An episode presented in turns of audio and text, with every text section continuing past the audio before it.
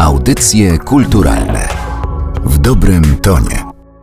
Rozpoczynamy audycje kulturalne, podcast Narodowego Centrum Kultury przy mikrofonie Aleksandra Galant. Zacznę od pytania kierowanego bezpośrednio do Was, bo jestem bardzo ciekawa, czy wierzycie w smoki lub w inne mityczne czy też baśniowe stworzenia, które towarzyszą nam najczęściej w dzieciństwie. Mogą to być smoki, mogą być gryfy, mogą być to jednorożce, a mogą być to syreny. Nie wiem, w jaki sposób odpowiedzieliście na to pytanie, natomiast y, jestem pewna tego, że te wszystkie stwory były częścią dawnych wierzeń. Na pewno wierzeń kręgu kultury chrześcijańskiej. Więcej na ten temat można dowiedzieć się z najnowszej wystawy w Muzeum Archeologicznym w Poznaniu, bo tam od niedawna możecie oglądać wystawę a były tam smoki, wybrane stwory z legend i ich przedstawienia na zabytkach archeologicznych. Tak więc jak widzicie, ten świat baśni, wierzeń, ale także dziecięcych fantazji przenika się ze światem nauki, historii i właśnie o tym przenikaniu mam nadzieję, że będzie dzisiaj opowiadać pani Magdalena Felis, kuratorka tej wystawy z Muzeum Archeologicznego. Bardzo miło jest mi panią powitać w audycjach kulturalnych. Dzień dobry. Powtórzę pytanie, które jest częścią tytułu wystawy. A były tam smoki?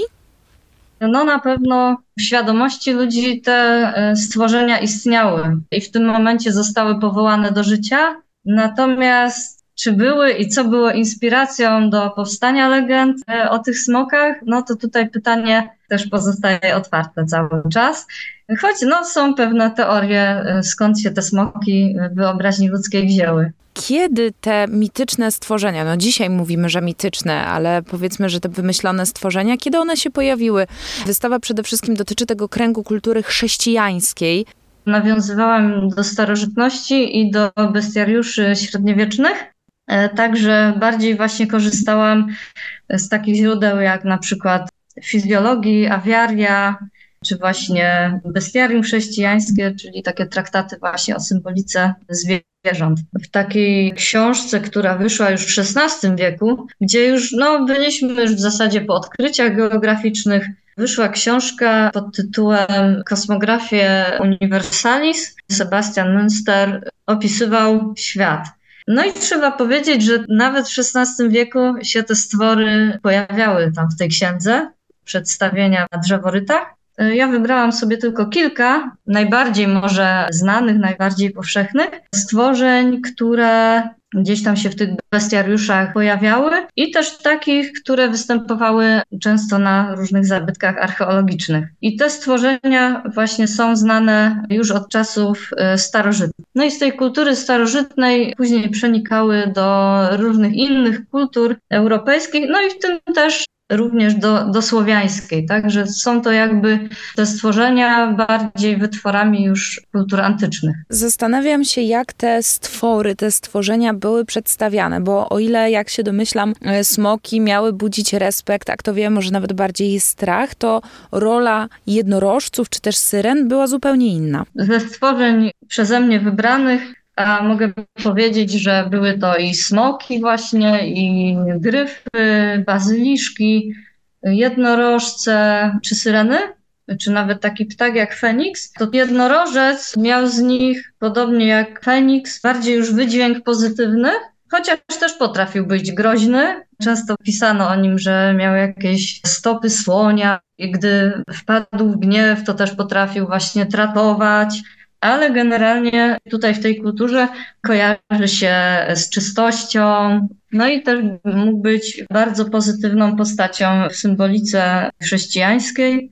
Może nie postacią, bo był to jednak stwór. Natomiast znany już od czasów starożytnych i z Indii, i z Bliskiego Wschodu, też z Grecji, występował w scenach, na przykład taka scena zwiastowanie, gdzie Matka Boska pojawia się z jednorożcem, jako fragment właśnie rzeźby. Jeśli chodzi o samego jednorożca, to też bardzo długo ludzie wierzyli. Tutaj zdaniem różnych źródeł, z którymi się spotkałam, nawet jeszcze w XVIII wieku mamy smoki, mamy bazyliszki, ale nie mamy nic takiego namacalnego, co by mogło po nich zostać.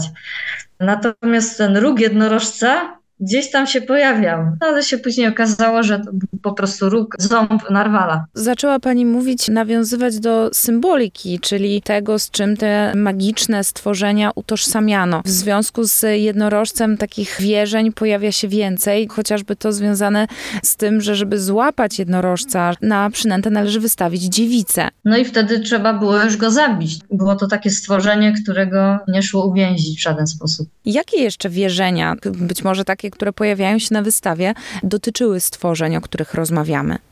Mamy takiego ptaka jak Feniks, bardzo ciekawe stworzenie, tajemnicze dosyć. Mówiono o tym, że Feniks potrafił odrodzić się. Był to bardzo długowieczny ptak. Według różnych przekazów mógł żyć 461, 500 czy 540 i więcej lat.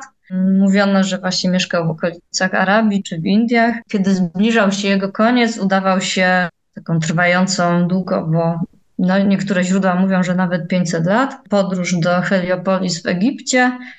No i tam sobie budował gniazdo z gałązek drzewa cynamonowego i kadzidłowego. Następnie razem z nim płonął i odradzał się z popiołów. Z kolei inne źródła podają, że tworzył taką szkatułkę albo sarkofag i tam ciało ulegało e, rozkładowi, no i z tego powstawał czerw i on się dopiero przekształcał w piskle i dopiero później w dorosłego ptaka. A symbolizował, no jak już tutaj e, mowa jest o odrodzeniu, to też i zmartwychwstanie Chrystusa. Jako ptak e, był piękniejszy nawet od pawia. Miał bardzo kolorowe pióra w różnych odcieniach, czerwone pióra purpurowe, złote, niebieskie, różowe, także różnokolorowe pióra znajdowały się na jego ciele.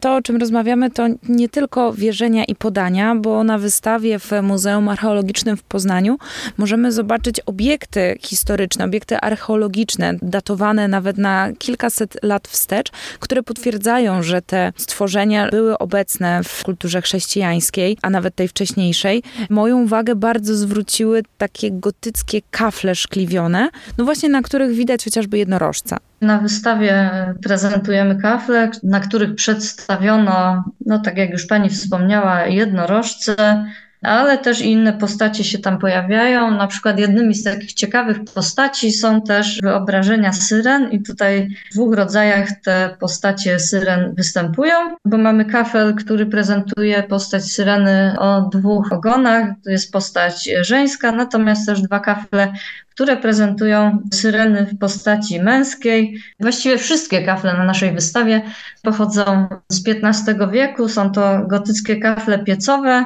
jeśli chodzi o te przedstawienia męskich syren, też jest ciekawa dosyć rzecz, bo te hybrydy często mają ciało pokryte łuską, jakieś nakrycia głowy. Widać, że to mężczyźni, ponieważ na twarzach widać brody.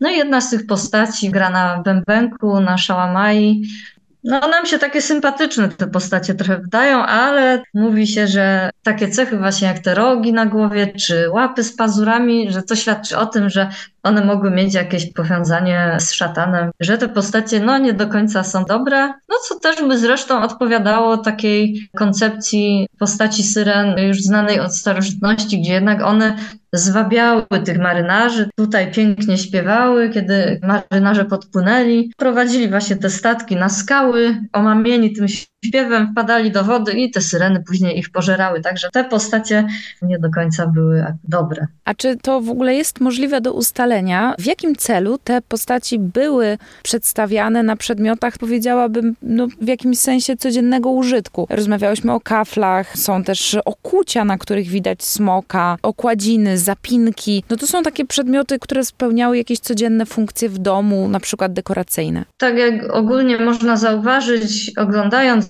różne kolekcje archeologiczne. W dawnych czasach bardzo dużo przedmiotów codziennego użytku było zdobionych. W zasadzie nawet można powiedzieć, rzadko się zdarzały takie przedmioty, powiedzmy, wykonane z metali, które nie miałyby żadnego zdobienia. I to też świadczy o tym, że te stwory były obecne w świadomości ludzi, no miały jakieś znaczenie dla nich. Być może takie cechy, z którymi się kojarzyły, właśnie z siłą, że z drapieżnością, miały powiększać jego status przez te swoje przedstawienia. Ale jeszcze ciekawe historie wiążą się z tymi kaflami. Kafle też miały piecowe taką funkcję.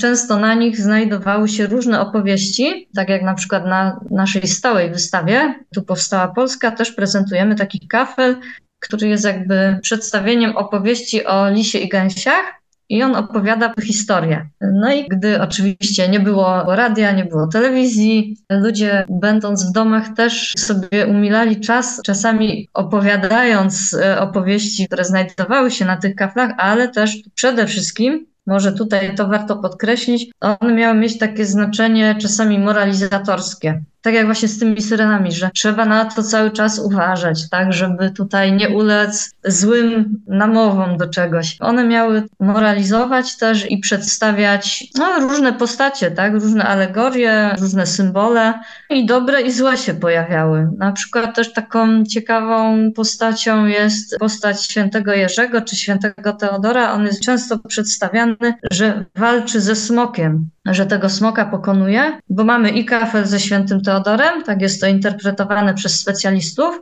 oraz też kafle przedstawiające świętego Jerzego. I też z takich ciekawostek można powiedzieć, że nawet ten święty Teodor wcześniej się pojawiał w historii, ta jego postać właśnie walcząca ze smokiem, a później dopiero się pojawił święty Jerzy na tych przedstawieniach. To wszystko w Muzeum Archeologicznym w Poznaniu. I na koniec naszej rozmowy właśnie do Poznania chciałabym pośrednio nawiązać. Rozmawiamy o stworzeniach i legendach, które powtarzali i tworzyli ludzie, którzy należeli do kręgu kultury chrześcijańskiej, bardzo różnie datowanej. Ale chciałabym zapytać na koniec o Wielkopolan. Czy na wystawie w Poznaniu znajdziemy jakieś wątki, które są bardzo charakterystyczne do tego właśnie regionu? Chyba takich typowo wielkopolskich nie ma, chociaż może najbardziej z Wielkopolską Polską związany jest chyba ten diadem turniejowy, który został znaleziony na starym rynku, więc może tutaj taki wątek, ale on już jest pochodzący z późnego średniowiecza. Natomiast jeśli chodzi o